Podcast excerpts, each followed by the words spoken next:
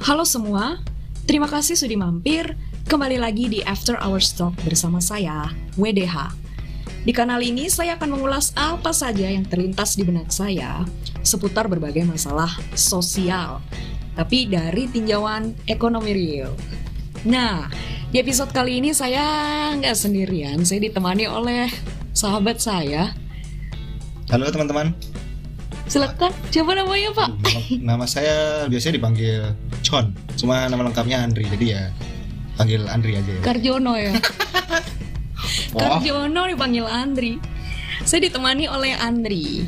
Dia juga rekan seperjuangan saya. Enggak lah, Oh, bukan ya, Pak? Beda angkatan ya, Pak? langsung situ korting-korting, enak banget ya. Oke, Andri, kita malam ini mau ngobrolin soal apa sih? Eh, malam ini. Kali ini kita mau ngobrolin soal apa sih? Apa ya?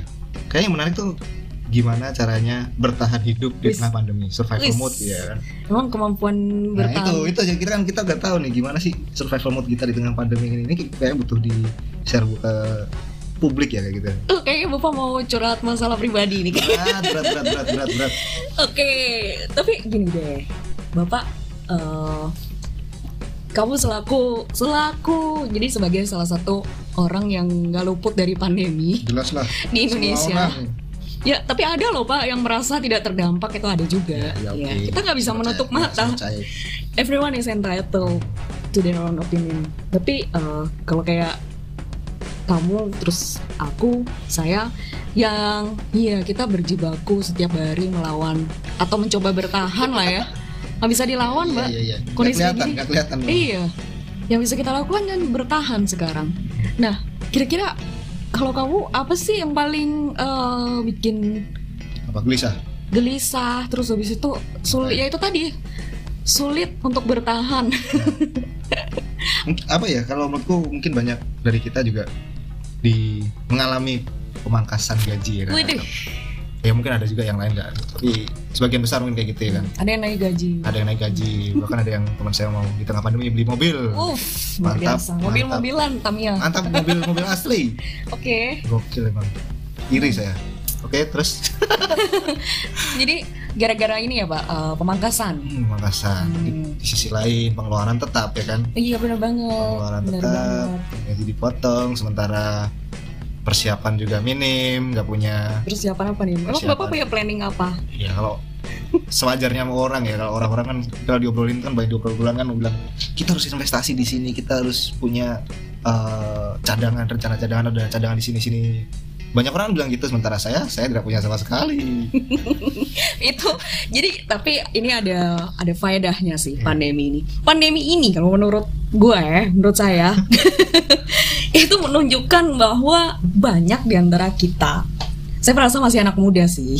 iya oke. banyak di antara anak muda yang ternyata selama ini sel- eh, selama sebelum ada pandemi penataan keuangannya finansialnya tuh berantakan gitu loh mereka nggak punya backup investasi atau cadangan devisa lah ya terus eh, mungkin nggak terbiasa apa ya muter uang Hmm. gitu mengandalkan penghasilan dari gaji ya ketika terjadi sesuatu sama sumber pendapatannya terus puyeng asli iya benar Dah. Mungkin bahkan mungkin termasuk saya.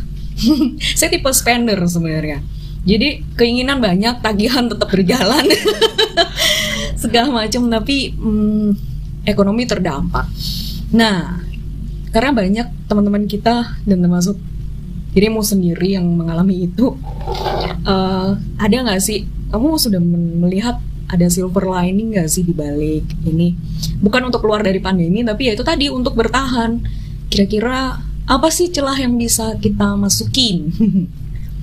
nah kalau itu sih kayak apa ya banyak teman-teman juga gitu ada beberapa teman-temanku gitu mungkin teman-temanmu juga mbak eh, punya exit strategi bikin bisnis bisnisan lah Hmm. side side job gitu lah. Side job bukan side job sih eh, bisnis sampingan gitu ya.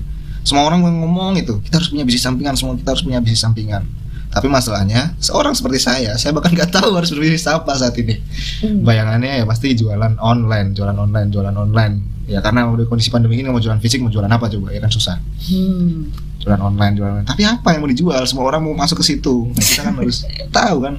Ya tapi benar sih, saya juga uh, banyak saya ngobrol setiap hari dengan banyak orang itu banyak yang berpikir soal bagaimana caranya mendapatkan penghasilan tambahan.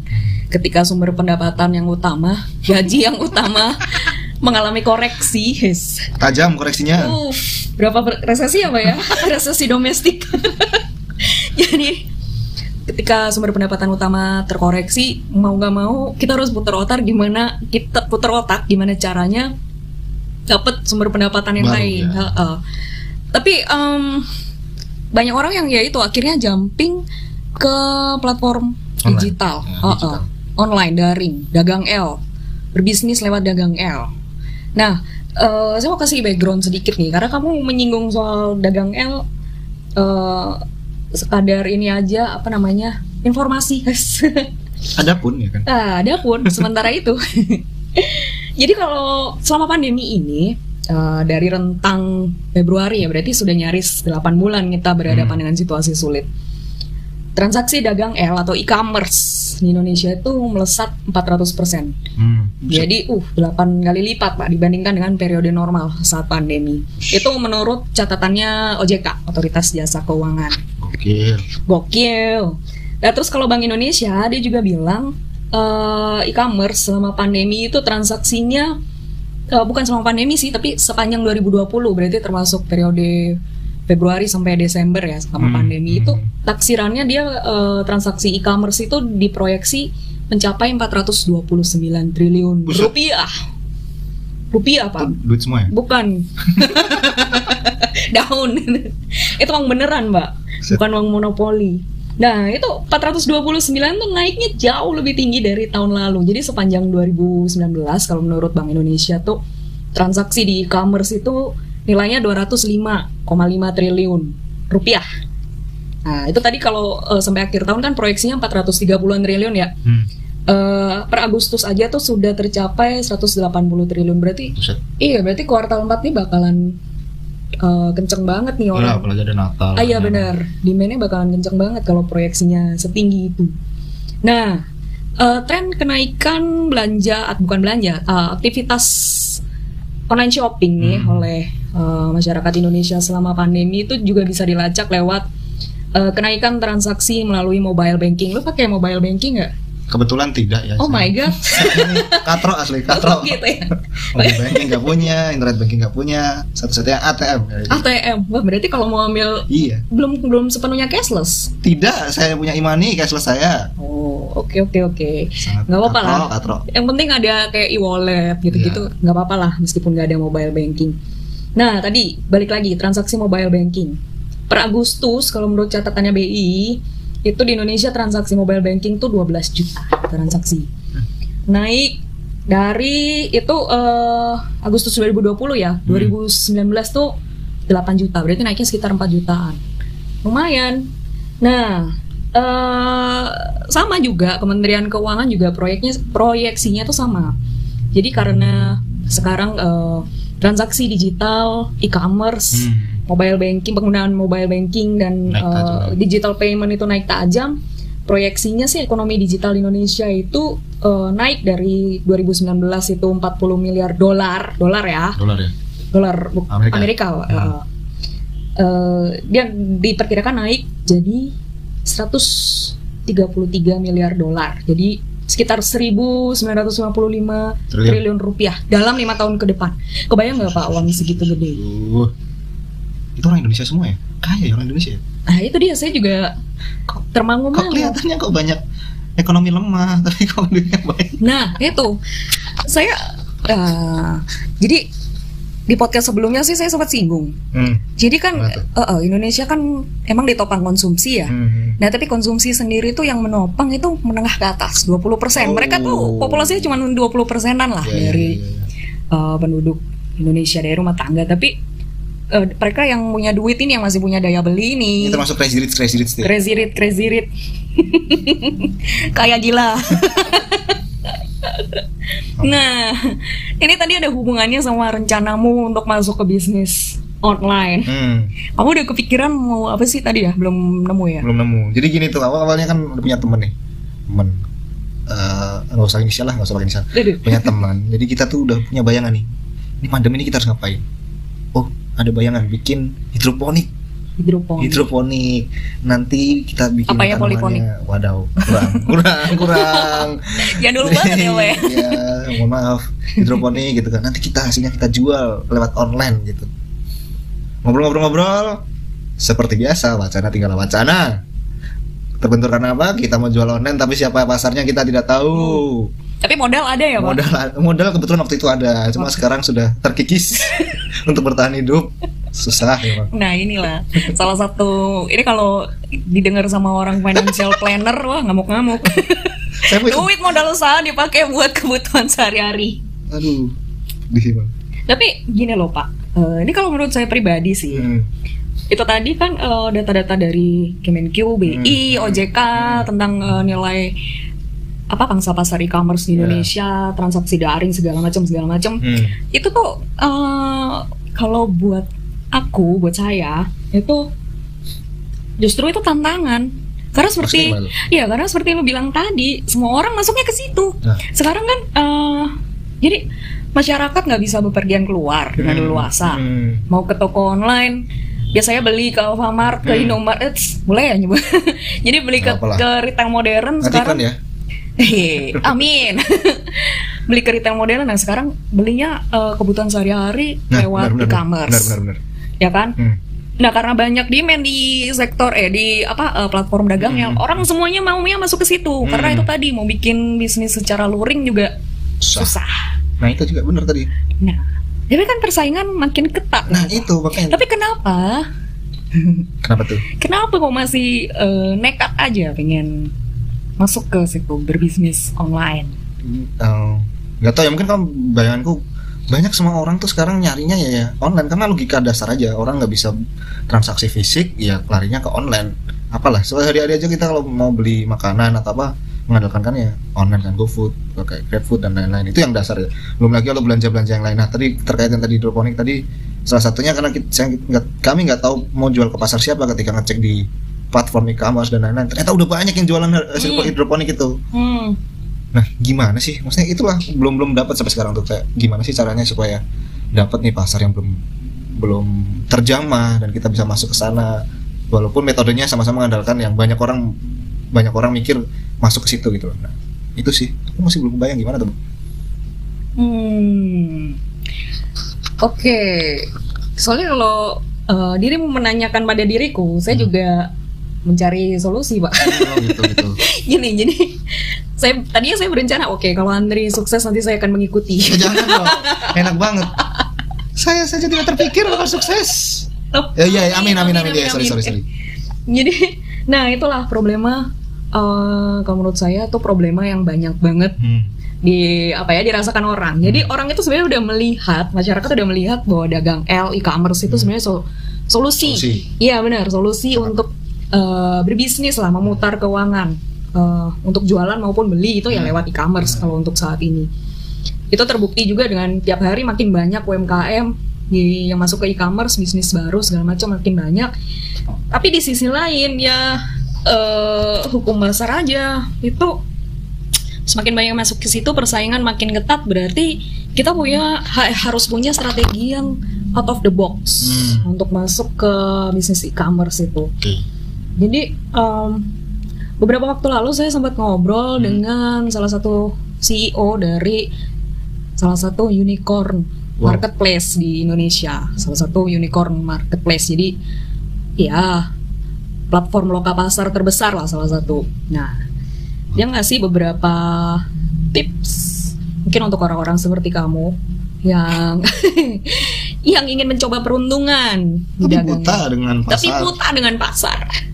Nah justru itu, itu yang jadi langkah pertama untuk eh, anda semua, juga termasuk untuk Andri yang ingin mencoba peruntungan di bisnis e-commerce selama pandemi. Hmm. Nah, untuk entah itu untuk banting setir, diversifikasi bisnis yang udah ada sebelumnya, atau sekedar cari-cari penghasilan tambahan Itu mah jadi masa depan. masa depan. Wih, Wow. iyalah. Ini bisa, iya siapa tahu bisa Siapa sustain tahu, ya. Iya, sih, sustain terus kita malah jadi kaya dari situ siapa Mm-mm. tahu ya kan. Terus resign dari pekerjaan yang sekarang guys. Kita jadi samping. Susah sih ngomong. Oke. Bahaya, saudara-saudara. Jadi kita balik lagi ke tips sorry ke mana-mana. Jadi tip pertama, langkah pertama sebelum memulai bisnis online, Hmm. tentukan bisnismu berdasarkan kebutuhan pasar. Jadi Nah, gimana? gini, selama ini kan kita sering banyak mendengar nasihat Hmm. do what you love, love what you do. Wadaw. Wadaw. Jadi pekerjaan yang paling menyenangkan itu yang hobi. Yang kita kita sukai. gitu iya, ya. yang kita sukain. Yang kalau kita kerja kita nggak ngerasa kerja gitu. Ya, eh. Oke. Wow. Contohnya apa? Tidur. itu bukan kerja itu. tidur, tidur tuh kerja loh, Pak.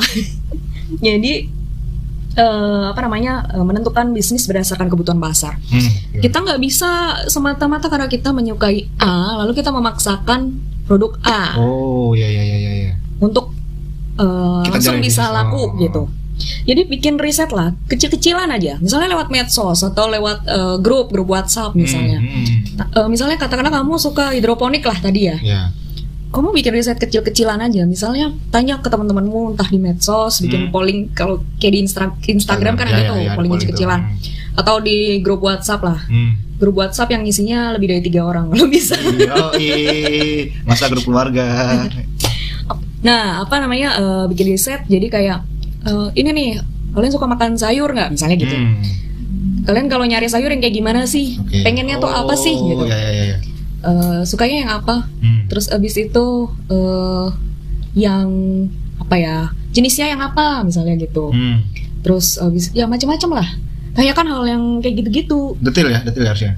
Enggak juga. Ya kalau bapak pengen langsung ngomong, soalnya aku mau berbisnis ini nih ya nggak apa-apa Oh, sih iya, kalau iya. detail. Tapi kalau sekadar test the water, cek ombak Hmm, itu, hmm, hmm. ya dapat gambaran umum aja tuh udah cukup sih sebenarnya. Jadi bikin riset kecil-kecilan lah, dimulai dari orang-orang yang kita kenal. Hmm.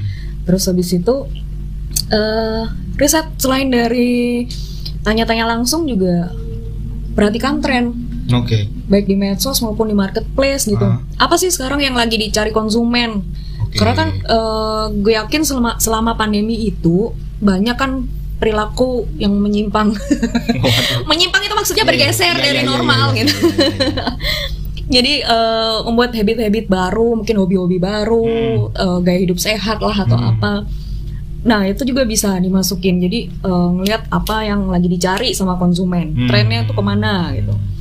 Terus abis itu cari yang masih ya itu akan berhubungan juga dengan mencari ceruk-ceruk pasar yang masih ada demand-nya. Oke. Katakanlah sekarang lagi musim apa ya yang banyak disukain orang? Bersepeda. Sepeda. Walaupun udah turun kayaknya, tapi ya masih lah masih ada yang Oke, sepeda. yang- atau eh, bercocok tanam Hmm. gitu. Ya, cocok tanam sih. Ya atau aquascape. Kamu juga suka Oh iya, aquascape, karena benar. eh, apa namanya? Dari tren itu, apa kira-kira bangsa yang bisa kamu masukin? Katakanlah aquascape. Buka jasa menguras. iya. Itu Itu kayaknya belum ada deh. tuh. itu untuk mengakomodasi orang-orang yang Bener, males bener, bener. nguras Iya, iya, ini, bener. Pak. Yang Iya tahu-tahu jadi aja. Pengen lihat Mm-mm. bagusnya aja. Ah, iya benar juga ya. Iya, oke, siapa oke. tahu begitu. Oke. Ya kan atau. Eh, tanaman misalnya Hmm. karena sekarang kan hobi banyak orang hobi koleksi tanaman sultan tuh yang harganya puluhan juta ratusan juta Hmm. siapa tahu mereka males nyiram males apa gitu Jadi tukang kebun dia Iya, jasa tukang bener kan? kebun, bener banget. bener kan tukang kebun tapi yang elit Yang gitu kan oke. Yang tahu ya spesifikasinya Eh, eh, gimana. misalnya dia treatmentnya gimana gitu ya. Hmm, apalagi misalnya dia dari kelas jet set gitu Hmm. mau vacation ini nanti kalau ditinggal lama gimana kan untuk pet untuk binatang ada Hmm. Iya, iya benar. Oh iya tanaman Nah, gimana itu- ya? Iya, makanya itu. Jadi yang kayak gitu-gitu eh, cari eh, ceruk-ceruk yang ada demand-nya. Oke. Ya, terus apa lagi ya? Ya itu sih, jangan bikin yang semata-mata kita mau. Ya itu penting mengerjakan sesuatu yang kita sukain itu penting, tapi juga harus dilihat itu ada demand-nya enggak. Hmm. Ya, jangan ya, sampai ya. bertepuk sebelah tangan. Kita doang yang eh, kita doang yang mau, yang lain nggak mau ngapain ya kan? Oke, itu tadi itu pertama. Sekarang yang kedua, dekat dengan supplier. Aduh. Maksudnya gimana nih dengan supplier? Hmm. Jadi eh, harus punya jejaring sama informasi pemasok. Misalnya Oh. kayak bahan bakunya, terus barang penolongnya, Hmm. eh, yang harganya tuh lebih efisien, lebih murah, Hmm. lebih bersaing. Jangan sampai terus kita jual eh, apa Dari namanya? rantai kedua gitu ya mungkin ya. Nggak lang- nggak langsung dari supplier langsungnya gitu ya Hmm, maksudnya. Oh. Jadi semakin hulu semakin oke, pak. Oke, oh, Apalagi kalau langsung. bisnis yang kayak pengen kamu rintis tuh hidroponik. Hmm, hmm. Semakin hulu semakin oke. Nah terus jangan lupa juga yang nggak kalah penting eh, survei harga. Hmm. Nah, mulai dari harga bahan baku, terus abis itu juga harga pasaran dengan kompetitor. Misalnya untuk produk sejenis. Hmm. Yang lain jual berapa gitu ya? Mm-mm. Jangan sampai Oh, kamu terlalu Mahal. ya, jangan merusak pasar lah. Jangan pasar intinya berdagang dengan sehat. Hmm. Jangan menimbulkan persaingan atau eh, praktik perdagangan tidak sehat. Hmm. Nah, terus eh sampai di sini kira-kira ini gak sih Apa tuh? apa namanya? Eh, jelas gak sih? Lumayan jelas sih. Udah tadi udah dapat dapat dapat gambaran umum sih. Enggak, maksudnya kamu udah mulai ada bayangan gak? Udah udah ada bayangan. Aku juga, aku sendiri yang ngomong, tapi aku sendiri juga ada bayangan. Jadi ngasih tips sendiri, denger-dengerin sendiri, Terus dilakuin sendiri. terinspirasi sendiri luar biasa. Terus, dan yang ketiga itu cari keunikan. Nah, kan kamu bilang tadi ya, itu persaingan makin ketat, Makin banyak orang masuk makin situ. banyak orang masuk ke situ. Jadi eh, kalau bisa sih jangan menjual barang yang all over the place. Misalnya kita buka eh, akun lah di Hmm. Instagram misalnya atau Hmm. di eh, marketplace gitu akun lapak jualan. Hmm. Apa namanya? Kalau bisa sih semakin niche, niche tahu nggak apa ya? Semakin spesifik Hmm. pangsa pasar yang kita incer itu semakin bagus Oke. untuk saat ini. Jadi nggak all over the place. Kecuali kamu memang mau bisnis minimarket menyaingi dua brand besar itu, silakan jualan apa saja. Iya, iya, paham, paham. Tapi kalau kamu pengen eh, lebih spesifik itu tadi menyasar eh, pangsa pasar yang kecil tapi ada demandnya, nah itu kamu harus punya spesialisasi Hmm. di situ. Jadi em, dari segi tampilan, foto jangan yang Jangan generik. asal yang Mm-mm, jangan yang generik cuman ngambil dari search Google. engine atau dari Pinterest gitu Hmm. nggak jelas itu punya siapa kalau bisa sih kita foto sendiri yang konsep sendiri gitu ya. hmm, bener pak terus deskripsi itu juga penting yang anas Iya, loh bener, bener, bener, bener, bener. Deskripsi penting banget tuh. Berapa kali aku kalau ngeliat di marketplace juga kalau mau nyari barang pasti tujuan kedua setelah gambar ya deskripsi bener juga sih. Mm-mm. jadi yang sejelas mungkin eh, yang clear lah Hmm. jangan bias jangan nipu apalagi Iya banyak banget tuh yang gitu tuh. Ngomongnya A ternyata produknya B ya kan. mau beli sepatu yang datang bakiak gitu ya Ya, enggak lah, enggak segitunya, enggak segitunya. Nah. Terus hal-hal lain selain des- deskripsi itu bisa kayak packaging. Terus habis itu apa ya? Menyelipkan gimmick. Jadi gimmick itu misalnya kayak memberikan personal touch. Oke. Misalnya kamu tadi bisnis hidroponik, kamu kasih apa ya? Sesuatu yang Dari kemasan mungkin ya. apa ya? Iya benar dari dari kemasan. Hmm. Dikasih personal touch. Bentuknya tuh bisa macam-macam sih orang. Apa ya? Mungkin contohnya ada ya. ucapannya di dalam atau apa Ya, gitu ya. bisa. Tulisan-tulisan gitu ya. Mm. Misalnya kamu jualan buku misalnya, Hmm. kamu kasih gimmicknya itu membatas buku buatan sendiri yang dibuat Hmm. dari apa gitu, Hmm. ukiran bambu misalnya. Hmm. Nggak perlu yang mahal sih sebenarnya itu personal touch itu, tapi itu memberikan sentuhan dan memberikan kesan bahwa anda atensi terhadap detail, Oke. bahwa anda eh, kalau kalau pembeli ngelihat oh ini yang jualan aja ngerti apa yang dijual, Hmm. terus atensi sama yang dijual gimana ke orang lain gitu loh. Hmm. Jadi kelihatan bahwa kita pengen memberikan pelayanan yang terbaik. Hmm. Itu juga eh, salah satu tip untuk mencari keunikan. Oke. Karena biasanya Hmm. pelanggan atau pembeli yang loyal tuh dia nggak cuma lihat harga, tapi lihat keunikan juga. Kamu Oke. ngasih added value apa Hmm. di barangmu. Begitu. Terus eh, itu tadi yang keberapa ya pak? Ketiga, ketiga. Ketiga ya. Hmm. Bapak memperhatikan ya. dong. Saya baca. Terus yang keempat nih, pilih kanal yang tepat untuk berjualan. Oh. Jadi kayak misalnya kamu pengen jualan hidroponik, jangan jualan di marketplace otomotif. Loh, siapa tahu loh apa cinta mau otomotif ya kan lagi pengen apa waduh ternyata ada butuh hiasan-hiasan dari sayur-sayuran di mobil ya kan enggak juga sih oke Oke. Jadi carilah eh, platform. Sekarang kan banyak, nggak nggak harus melulu marketplace yang besar, Oke. tapi spesifik ya Iya, spesifik tuh banyak banget. Banyak lah media-media yang bisa kita pakai selama belum dilarang ya sama Iya. pemerintah. Nanti kalau tiba-tiba keluar aturan lagi, ya tinggal pindah lagi ya, ya oh kan? iya, kita selalu gitu. mencari cara ya, Pak. Jadi gitu. Jadi cari kanal yang benar-benar representatif sama brand yang kamu coba bangun Hmm. eh, dan bangsa pasar yang ingin di- dituju disasar. Hmm. Terus yang terakhir nih, yang kelima, Hmm. yang paling penting juga Hmm. membangun loyalitas konsumen. Wih, ini kayaknya berat nih. Gimana gimana tuh? Jadi itu tadi eh, memberi pelayanan. Jadi ketika kita udah masuk ke bisnis online, orientasinya itu sebenarnya ini kalau menurutku sih kamu bisa nggak setuju bisa setuju. Itu kalau tujuannya memang awalnya dari mencari penghasilan sampingan, tapi dalam praktiknya kamu harus total, Iya benar-benar harus total. Nggak bisa part timean pak. Hmm. Kamu harus benar-benar committed dengan itu, karena apalagi sekarang demand di e-commerce tuh lagi tinggi-tingginya Hmm. konsumen makin demanding, mereka minta respons yang cepat, mereka minta pengiriman yang cepat, barang yang oke. Oh. Kamu nggak bales, misalnya ada chat gitu, nggak bales, 5 menit, 10 menit aja Iya udah. orang-orang geser pasti. Iya, udah gitu langsung sih. ditinggal. Ini ada nggak sih barangnya gitu kan? Nah, Waktu jadi kan. pembeli ini kalau pembeli kan ada barangnya pindah pasti gitu. Ya juga sih. Mm-mm, jadi emang agak susah kalau apalagi kalau yang pengen coba-coba, sekadar coba-coba tidak diseriusi dalam tanda kutip. Hmm. Ah ini buat weekend aja lah kalau pas Hmm. weekend gitu. Hmm. Susah. Oh, oke. Ya bisa, cuman peluangnya akan lebih besar kalau kamu benar-benar committed Total di situ. Heeh.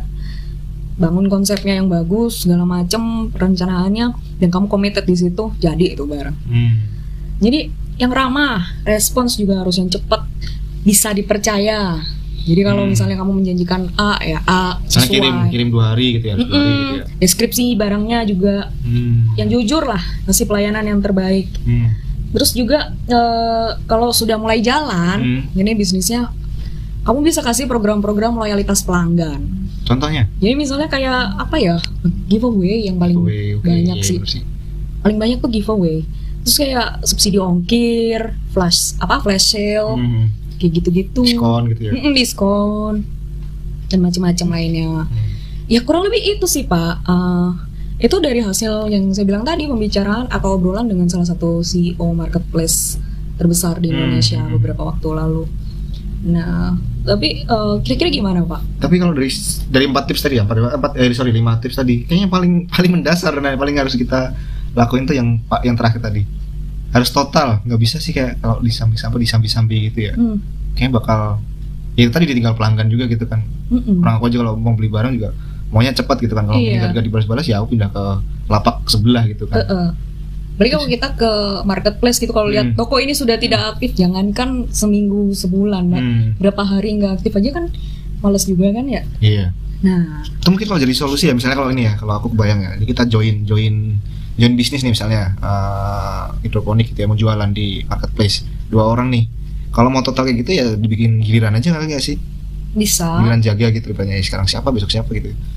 Ya kita nggak meninggalkan kerjaan kita tapi konsumen juga tahu gitu. Bukan tahu terlayani dengan baik gitu loh. Ya nggak sih? Iya bisa bisa bisa. Sebelum bisa meng-hire orang ya. ya itu sih. Itu kayak orang tuh.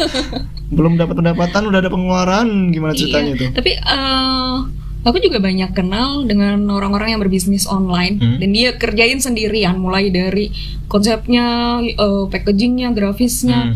layoutnya, deskripsi foto, admin, ngirim barang segala macam, tepar, ini kewalahan lah ya pasti tepar itu full time loh. hmm, apalagi yang nyambi ya sendiri. Ya, itu dia. Jadi eh, kesimpulannya apa, Pak? total sih jadi ya kamu nggak mau ya anda harus keluar dari pekerjaan anda sekarang Padahal ini tadi kita awal obrolan mencari pekerjaan sampingan penghasilan Sampingan, tambahan ya iya. sampingan. Ya, Arah pembicaraan berubah, saudara-saudara. tapi itu krusial itu kita harus tetap ya itu intas terus sama pelanggan itu gak bisa ditinggal dikit gitu ya Hmm, siapa tahu cinlok kamu. ada bisa sih atau WhatsApp lanjut Aduh, yang kayak gini-gini nih. iya sih, tapi aku jadi berpikir itu juga ya. Hmm. Jadi gimana? Kesimpulannya ini sebenarnya dagang L ini bisa jadi penghasilan tambahan atau Nah ini cocok kalau misalnya anda ini adalah banting setir. uh, bisnisnya berdua Hmm. atau kalau nggak suami istri jadi masih ada berbagi berbagi beban gitu kalau seperti saya yang single seperti ini kok saya belum dapat gambaran ya gitu. Sebenarnya dia mau Enggak, enggak, enggak, enggak, enggak, enggak, enggak, enggak. coba-coba tebar jala. ya tapi kalau suami istri sama-sama kerja juga susah sih pak. Iya sih. Iya, jadi gimana? Malah pusing sendiri kita. Kok nggak dapat solusi? iya, kok jadi nggak dapat solusi ya? Tapi enggak lah, ini ini solusi bagi yang merasa itu solusi. jadi eh apa namanya? Kalau saya sih tetap ini, tetap berpandangan dagang L bisnis e-commerce ini memang masa depan, masa kini dan masa depan. Hmm. Nanti semua akan ke sana, arahnya Hmm. tuh ke sana Hmm. gitu. Tinggal gimana uh, kamu meng, apa ya mengharness jiwa entrepreneurshipmu untuk bisa berkompetisi, berkompetisi, berkompet di medan ini karena makin lama makin kompetitif, Iya. makin sengit persaingan di situ. Jadi Hmm. kalau yang kentang-kentang kayak kita jangan dulu deh. Kumpulin modal dulu, paling Iya. nggak biar bisa hidup dua bulan ya kan, baru habis itu total di situ tuh. Nah, Kebayang gitu sih. Iya, benar menarik juga nih Pak. Eh, jadi buat anda yang sekarang bisnisnya mungkin sedang terpengaruh sama pandemi, Hmm. eh, lagi susah atau mata pencariannya terpaksa harus eh, terdampak karena Hmm. pandemi, entah Hmm. karena unpaid leave Hmm. atau kena PHK mungkin. eh ya cobalah ini habitat baru ini di dagang L ini. Hmm. Cobalah untuk bermain ke sana tapi dengan sungguh-sungguh. Hmm. Apalagi sekarang kan eh, banyak ya insentif-insentif untuk pinjaman modal lunak Hmm, iya buat usaha mi- ultra mikro. Hmm. Ultra mikro Pak lebih kecil lagi. Kayak gitu. Jadi manfaatkan semua peluang yang ada di sekitar Anda. Eh, dan kembali lagi seperti yang pernah saya bilang dan saya ucapkan berkali-kali, pandemi ini adalah momentum tepat untuk merediscover dan mereinvent yourself. Hmm. Begitu. Jadi siapa tahu nanti muncul inovasi baru, potensi-potensi baru yang selama ini Anda nggak tahu ternyata bisa. Dan itu jadi jalan hidup Anda nanti ke depannya. Nah, apalagi itu keren banget. Jadi mulai terpikir untuk banding setir, Pak. Sudah. Oh. Sudah. Kalau itu sudah jelas. Ya, oke lah kalau begitu sambil saya dan Andri memantapkan hati untuk mulai eh, menyeriusi ya, menekuni rencana-rencana untuk mendapatkan penghasilan tambahan ini. eh, kita tutup dulu deh sesi untuk kali ini. Sampai di sini dulu pertemuan kita.